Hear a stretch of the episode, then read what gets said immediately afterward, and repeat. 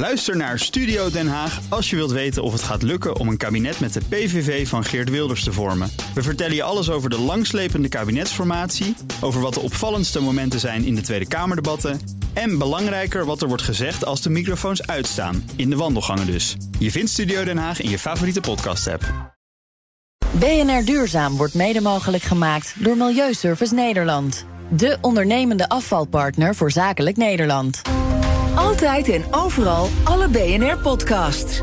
Download de gratis BNR-app. BNR Nieuwsradio. Duurzaam. Harm Edens. Op de groene weg naar 2030 gaan we het vandaag hebben over. Verwende Europeaantjes die lak hebben aan het klimaat en nog steeds een privévliegtuig boeken.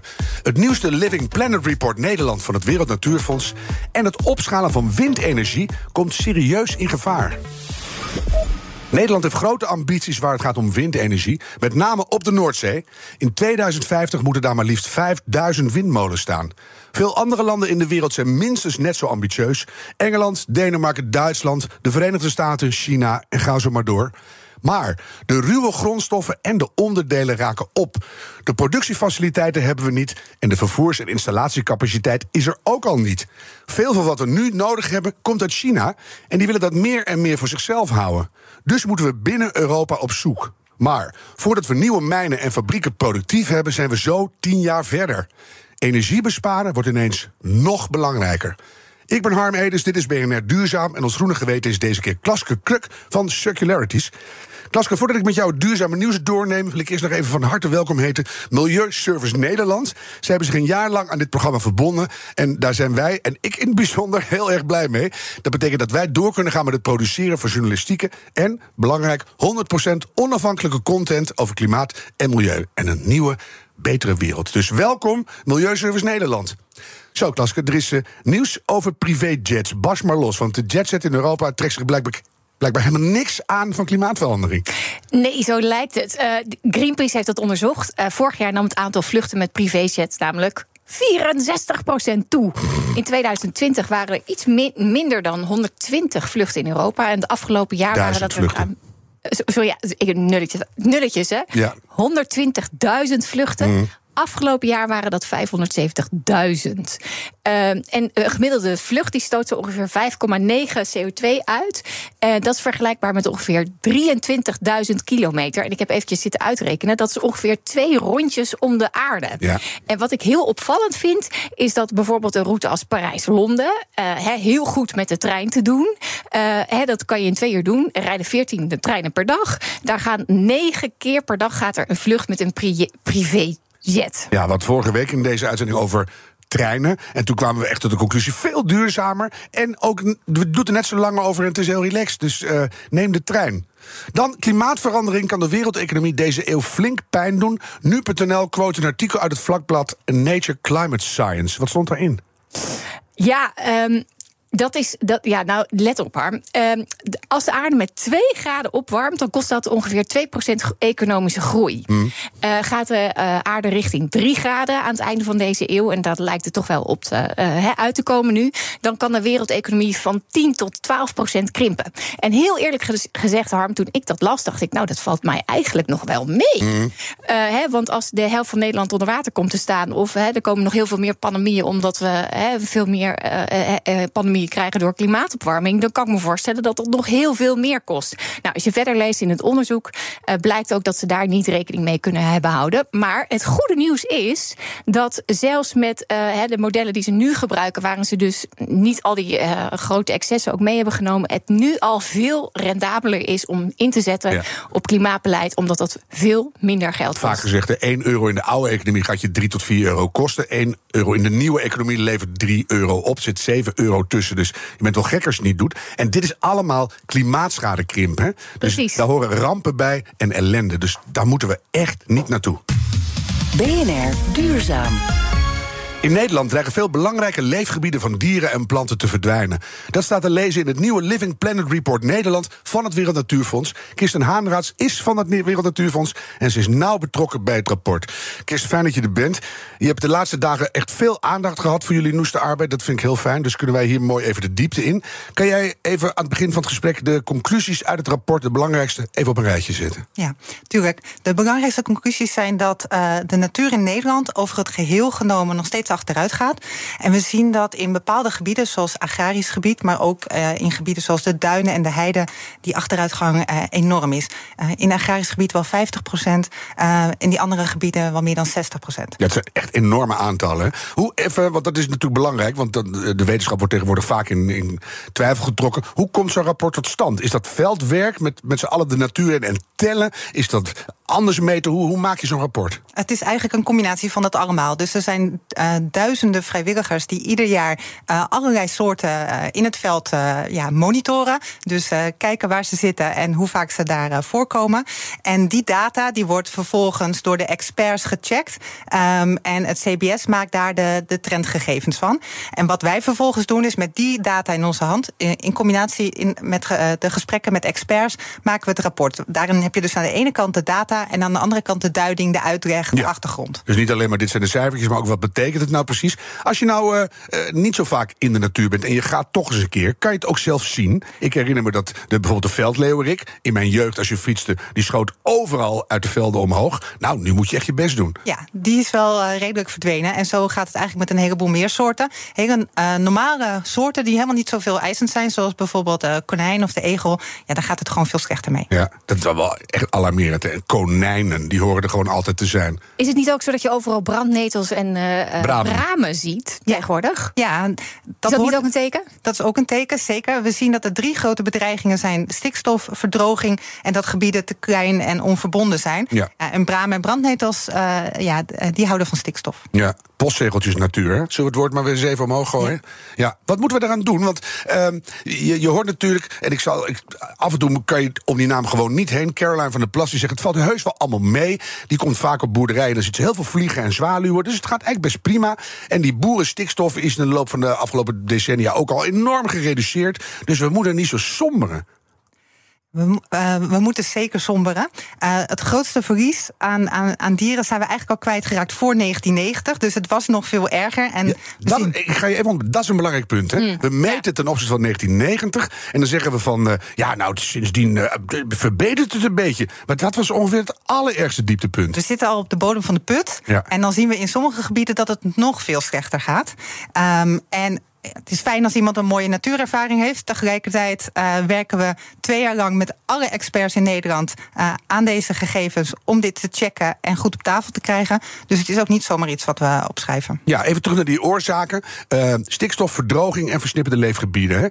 Dat zijn, nou, verdroging komt onder andere door klimaatverandering. Je hebt te veel water of heel lang niks.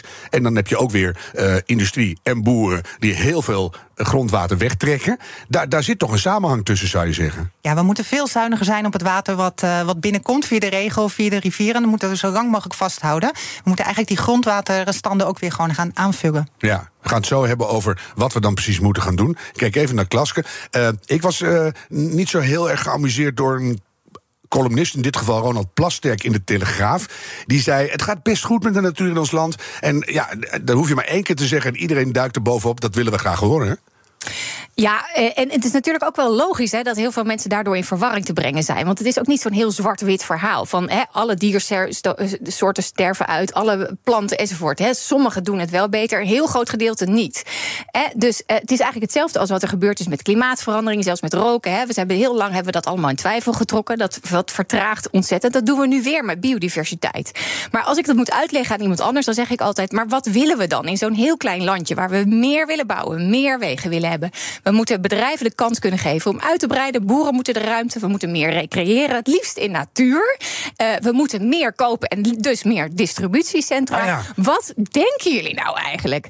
Past dat allemaal wel? En denk je daadwerkelijk dat dat nou zo goed is voor al die uh, biodiversiteit? In het helpt toch als je het opzomt. Ik krijg ineens een beeld van hele grote distributiecentra met daarop een heideveld en schapen. Is nou dat ja, wat? Ja, nou ja, ik, ik, ik, ik moet heel vaak denken als ik weer langs zo'n blokkendoos kom... van, ai, daar had ook een bos kunnen staan. Ja, ik heb dat ook steeds. Er zijn ook lichtpuntjes. Zullen we die eerst maar eens even noemen? Jullie zien het herstel, vind ik mooi... want ik ben heel veel ook in die ooibossen geweest... In, de- bij Nijmegen in de buurt. Het herstel van waternatuur begint een beetje zijn vruchten af te werpen... want daar is veel aandacht op geweest en dat zien we nu, hè? Ja, we hebben in Nederland heel veel gedaan eh, aan hoogwaterveiligheid. Dus ons beschermen tegen hoogwater. Eh voorbeeld daarvan is dijken ophogen. Maar we hebben er op een gegeven moment voor gekozen om dat niet meer alleen maar te doen door dijken op te hogen, maar door te combineren met natuur. En daar laat je ook meteen zien wat eh, natuur als, als kracht heeft. Het is namelijk je beste bondgenoot. Dus juist als je alles wilt wat jij net opnoemde, dat kan je heel goed combineren met natuur. Eh, dus bij water zien we dat als je op die manier gaat denken, dat het werkt en dan al heel snel de natuur ook weer opleeft. En dan bedoel je niet die rivieren inpakken tussen Hoge Dijk en een badkuip... maar nevengreulen, overstroomgebieden, ooibossen... al die dingen waardoor dat, dat hele stroomgebied één klap natuur wordt. Eén krap natuur, maar ook een recreatiegebied en ook wateropvang door bijvoorbeeld klimaatverandering. Ja, dus Maar, je- maar, maar kunnen we blijven groeien terwijl, terwijl dit allemaal, hè, dat we ook de natuur redden? Kan dat echt? Nou, we kunnen een heleboel van de bedreigingen wegnemen, die, van die drie die ik net noemde, eh, door die natuur terug te brengen. Want wat we in Nederland heel goed hebben gedaan, is eigenlijk eh, eh, alles te scheiden van natuur. Ja. Eh, en bijvoorbeeld zoiets als te klein en te versnipperd, als we langs wegen, in onze woonwijken, eh, noem het maar op, natuur weer een plekje geven en een kans, dan is natuur er daar heel blij mee. En dan worden wij er volgens mij ook wel eh, heel blij van. Ja, ik heb laatst een hele twee theaters vol met eh, hoveniers uitgelegd. Het maakt niet uit of je niet heel erg hooggeletterd bent. Maar je kan iedereen wel uitleggen dat we hortensia's kunnen vervangen door inheemse planten. En dan gebeurt er weer wat. Nou, weer, iets goeds. Ehm, Ander voorbeeld van wat er goed gaat. Ik vond hem heel mooi en we zagen de beelden ook afgelopen week. De terugkeer van de otter. Hoe hebben we dat voor elkaar gekregen? En, en eh, levert dat ook betere natuur op? Ja en ja. Eh, we hebben het voor elkaar gekregen door onder andere eh, die watergebieden, die zijn wat schoner geworden. Let wel, de waterkwaliteit in Nederland is nog steeds heel erg slecht. Dus eh, de potentie is nog veel groter. Maar Even tussendoor, dat is wel weer voor jou heel frustrerend, hè? Want dan gaat het op een bepaalde manier beter. Maar, maar 3% van het oppervlaktewater in Nederland is goed. Precies. Dat is bijna niks. Maar het geeft aan de andere kant ook weer wat er kan gebeuren als je dat beter op orde maakt. En, en dat het zo kansrijk is. Eh, en die otter die is de toppredator van zo'n gebied. En de- staat niet alleen symbool, maar ook echt letterlijk eh, aan, de, aan de bovenkant van de voedselpiramide. En eigenlijk alles wat eronder zit, alle dieren die die eten, vissen, de, de insecten, de planten, eh, raken daar. Ja, dat, dat, dat blijkt dus eigenlijk in beter evenwicht te zijn. Dus het wordt robuuster als je die piramide kloppend hebt. Ja. Maar, Ja. maar dit wordt er juist ook vaak tegenin gebracht, toch? Ik bedoel, ik zat laatst nog met een heel gerespecteerd iemand te praten. Nou, viel En wel mee, toch? En nou ja, was mijn schoonbroer. Oh. En, eh, en die zei: Ja, maar Klaske, zo slecht gaat het helemaal niet. Want we hebben de wolf weer terug in Nederland. Staat bovenaan de voedselpiramide. Dus de biodiversiteit in Nederland moet er goed voor staan. Ja, eh, voor de otter en de bever geldt ook dat ze vroeger heel veel bejaagd werden. Ehm, door de echte toppredator in Nederland, dat is de mens. Eh, dat doen we niet meer. En dat helpt zo'n otter of zo'n bever gelukkig ook al heel erg veel vooruit. Ja, en als je kijkt naar al die kleine beestjes, dan is het schrikbarend. Min 80%, min 90%. Dit gaat vooral over natuur in de buitengebieden. Je zei net ook al langs wegen en in steden. Hoe kunnen we dat vergroenen? Hoe, hoe pakken we dat aan? We kunnen eh, eh, eigenlijk kiezen om ja, veel minder te doen dan dat we nu doen. We zijn nu aan het maaien, aan het tuinieren, aan het betegelen. Moeten we allemaal niet meer doen. Er moet er veel meer groen in. In de stad eh, en langs de wegen bijvoorbeeld... veel meer de boel ook zijn gang laten gaan. Ja. Op, veel, op heel veel plekken kan dat ook gewoon. Dus het is eigenlijk hier en daar ook heel simpel. Hè? Als we minder beheren, minder ingrijpen... en dan is die herstelkracht van de natuur enorm. Ja, en bijvoorbeeld in het agrarisch gebied... eh, bomen terugbrengen, vijvers. Kan allemaal. BNR Nieuwsradio. Duurzaam. Harm Edens. Living Planet Report laat zien hoe de natuur in Nederland zich sinds 1990 ontwikkelt. En de laatste update is nogal duidelijk: het gaat niet goed. Bescherming alleen is niet langer voldoende, stelt het Wereld Natuurfonds. We moeten ook sterker in gaan zetten op natuurherstel. Kirsten Haanraads is van het WNF en Klaske Kruk is er ook, ons gebruikelijke groene geweten. Ehm, Kirsten, wat gebeurt er als we op deze manier doorgaan? Dat helpt, hè? als we een doorkijkje naar de toekomst nemen. Wat zie jij van de natuur in Nederland als we niks doen in pak een beet 2040? Nou, daar maak ik me behoorlijk zorgen over. Eh maar ik maak me niet alleen zorgen over die natuur, maar ook gewoon over, eh, ja, om onszelf. Ehm, natuur is een systeem, alles hangt met alles samen, het is allemaal verbonden. En wat we nu zien is dat er steeds stukken uitvallen. En op een gegeven moment valt dat kaarthuis in elkaar. Ja. Dan heb je een, een lokaal tipping of een nationaal tipping point. Hè? Maar, maar, en- maar ik denk dat we het tastbaarder moeten maken. Wat zien we dan precies? Nou, eh, natuur zorgt er bijvoorbeeld voor dat, eh, dat we drinkwater hebben. Dat we een vruchtbare bodem hebben waar we eh, gewassen op kunnen telen. Die zorgt ervoor dat we fruit eh, hebben, eh, omdat het bestoven wordt. Ja, gaan we dat allemaal zelf als mens eh, doen? Eh, dat is onmogelijk. Met mini-drones. Ja, we hebben ze niet, maar de natuur hebben we nog wel. Ja, wat ik zeg, die willen we toch niet? Nee. Maar ik zei het al in mijn inleiding van deel 2. Jullie stellen nu heel duidelijk: eh, beschermen, ja, dat gaat hem niet meer worden. We moeten grootschalig inzetten op natuurherstel. Hoe zie je dat voor je? Wat is dat precies? Nou, dat betekent dat we eigenlijk bij alle ruimtelijke keuzes die we maken in ons land, die natuur erin in mee gaan laten doen. Eh, dus als het gaat om de aanpak van het stikstofprobleem, de aanpak van het klimaatprobleem, woningbouwopgave, duurzame energie, ook die natuur moet daar een plekje krijgen. En wat we ook betogen is dat het niet alleen moet omdat het voor de natuur heel erg belangrijk is, maar omdat we ook gewoon denken dat we dan sommige problemen veel makkelijker kunnen aanpakken. Ja, maar dat is een heel mooi beknopt antwoord en ik begrijp het ook meteen. Maar nu zie je de politieke trend. Iedereen stemt ook uit onvrede met het huidige kabinetsbeleid, BBB en andere aanverwante artikelen. Eh, we willen helemaal niet. Het is een helder verhaal. We moeten met elkaar die nieuwe betere wereld maken. Nou, we stellen het even weer uit, jongens, want eh, zo heet wordt de soep niet gegeten. Ja, en daarvan zien we ook nu al iedere dag de problemen. En dat is nu bijvoorbeeld met stikstof vooral een juridisch probleem. Maar we zitten op slot, er is geen economische ontwikkeling mogelijk. En, en, en wat de juridische afspraken bijvoorbeeld zijn, is dat het niet slechter mag worden. En wat, wat er nu precies gebeurt, is dat. Het wordt niet makkelijker, het wordt alleen maar moeilijker en duurder. En in, in welke verhouding ligt dat? Stel, we wachten weer niet 2030 af, maar we duwen het door naar 2035. En de Europese Commissie heeft onderzoek laten doen en die eh, geven aan dat iedere euro die je stopt in natuurherstel je 8 euro oplevert. Acht zelfs, kun je nagaan. Dus, ja. het, dus het omgekeerde is eigenlijk ook waar. Plus de kosten eh, van het probleem, ja, die worden alleen maar groter omdat het moeilijker wordt. Ja. Ja. Ik kijk even naar jou, Klaske. Hoe moeten we dit framen? Want eh verkiezingswinst van BBB is enorm. Dat is niet alleen maar boeren met onvrede, want zoveel boeren zijn er niet. is ook algemene onvrede. En ook eh, het wegkijkgala, alles verzamelt zich daarin. Hoe moeten we nou dat verhaal over de bühne brengen, dat mensen snappen... eh, Weet je, die toekomst is in gevaar. We hebben die natuur in Nederland nodig. Dus die, die moet aan tafel zitten en ook een hele belangrijke stem hebben. Ja, ik denk dus dat het eerlijke verhaal vertellen wel echt heel erg belangrijk is. Hè. Ik bedoel, in de coronatijd hebben we kunnen zien dat we in één keer heel ingrijpende maatregelen konden doorvoeren. Maar dat kwam wel omdat we wekelijks een persconferentie hadden. Ik denk dus ook dat eh, hè, dit, dit, dit bijvoorbeeld deze podcastreeks of hè, dit, deze uitzendingen daartoe ook heel erg bijdragen. Ik denk dat we mensen heel erg het eerlijke verhaal moeten vertellen hoe we er daadwerkelijk voor Maar staan. ze, ze maar komen er gewoon mee weg steeds, hè? Ja, maar Ja, het valt best wel mee, het gaat wel. Ja, maar laten we ons daar ook niet door uit het veld slaan. Hè. Ik bedoel, eh, BBB is heel groot geworden. Maar het ander, het, hè, er is een heel groot ander gedeelte, wat veel groter is, dat wel heeft gestemd voor verandering. Hè, dus ook een heel groot gedeelte van de VVD en de CDA-achterban, ja, die heeft gekozen voor wel verandering. En nu gaat de VVD en de CDA gaan eh, kijken naar BBB, dus eigenlijk niet naar hun eigen achterban, maar naar de achterban van een andere partij. Ja. En nou ja, daar krijg je zo meteen ook weer heel erg veel eh, strubbelingen over. En in feite zijn zowel de BBB als de klimaatactivisten of eh, de, de, de andere duurzaamheidsbewegingen zijn allemaal de dupe van falend overheidsbeleid. Namelijk, we durven niet nu eh, dingen in te zetten die soms af en toe pijn zijn, maar wel heel goed uit te leggen. Ja. En ja, het is eigenlijk precies wat Kirsten zegt. Ja, hoe langer we dat blijven uitstellen, hoe dragonischer die maatregelen zullen, zullen Draconischer. zijn. En draconischer en Ja. hoe duurder. Mhm. Kirsten, we gaan natuurherstel doen. Wat moeten we dan doen komende zeven jaar?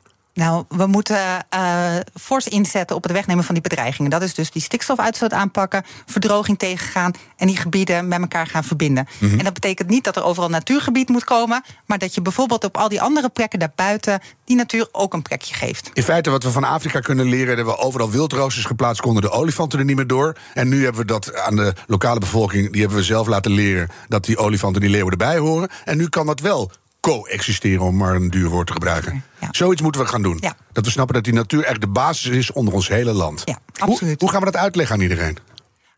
we gaan het. We gaan het ook gewoon ervaren en zelf meemaken. We weten ook weer uit onderzoek dat zo'n 97% van de Nederlanders natuur belangrijk vindt. En vindt dat we dat moeten beschermen en behouden.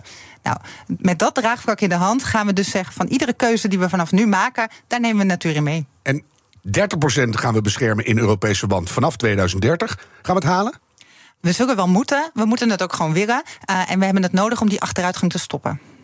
Laske? Ja, ik zou er nog één ding aan toe willen voegen. Ik zag Sorry. Het ja, uh, ja ik, ik geloof er niet helemaal in dat we alleen met natuur herstellen en uh, beschermen er gaan komen. Ik denk ook echt dat we, en dat is natuurlijk ook mijn eigen vakgebied met de circulaire economie, en we moeten minder produceren en consumeren. Want anders blijven we gewoon die natuur ingaan. En overal ook buiten Nederland natuur verwoesten ja. en biodiversiteit verwoesten. Dus ik denk ook echt dat we, uh, daar, daar, dat we daar naartoe moeten uh, slimmer produceren en consumeren. En ook gewoon goed nadenken over wat we echt nodig hebben. Dus we tegenwoordig steeds vaker zeggen: groene groei. Van dat cliché moeten we eigenlijk af. Precies. Want dat levert altijd schade op als we maar door blijven groeien, hoe groen ja. het ook is. En hoeveel nestkastjes je ook ophangt, daar kan je zeker wat mee wegnemen. En dat moeten we absoluut blijven doen. Maar daarmee gaan we het niet redden. Nee. Kirsten Haanraads van het Wereld Natuurfonds. Toi, toi, toi. En dankjewel dat je hier was. Klaske, wat ga jij meenemen naar de avonddis? Uh, nou ja, wat ik heel leuk vind, en dat vind ik echt wel weer een heel leuk weetje. 97% van de Nederlanders die geeft gewoon om natuur. En dat is ook echt zo. En ook de achterban van BBB, die wil gewoon meer natuur. Dus laten we er gewoon uh, opschieten en er wat aan gaan doen. Ja, dus zullen we gewoon eigenlijk met elkaar een soort nieuwe politieke snuifbeweging starten? Dat we zeggen, we gaan even snuffelen bij elkaar. Van hoe zit je nou, los van de boeren, die moeten er ook blijven. En bedrijven hebben we ook nodig. Maar we snuffelen bij elkaar. Hoe erg belangrijk is die natuur nou voor je? Snuffen? Snuffelen bij elkaar. Snuffelen. Ik ruik bij jou natuurzin. En ah, dan... oh, ja, ja, ja, ja, ja, natuurzin. Ja, ik dacht aan een ander soort snuiven. Nee, ja, ik... Ik ga hem ontzettend afsluiten nu. Dankjewel. Laske Kruk van Circularities. Dit was BNR Duurzaam, de groene weg naar 2030. Laten we die met z'n allen nemen en een beetje doorlopen graag. De tijd van treuzelen is voorbij. BNR Duurzaam wordt mede mogelijk gemaakt door Milieuservice Nederland. De ondernemende afvalpartner voor zakelijk Nederland. Ook Thomas van Zeil vind je in de BNR-app. Je kunt live naar mij luisteren in Zaken doen. De BNR-app met breaking news, het laatste zakelijke nieuws... en je vindt er alle BNR-podcasts, bijvoorbeeld Het Nieuwe Geld. Download nu de gratis BNR-app en blijf scherp.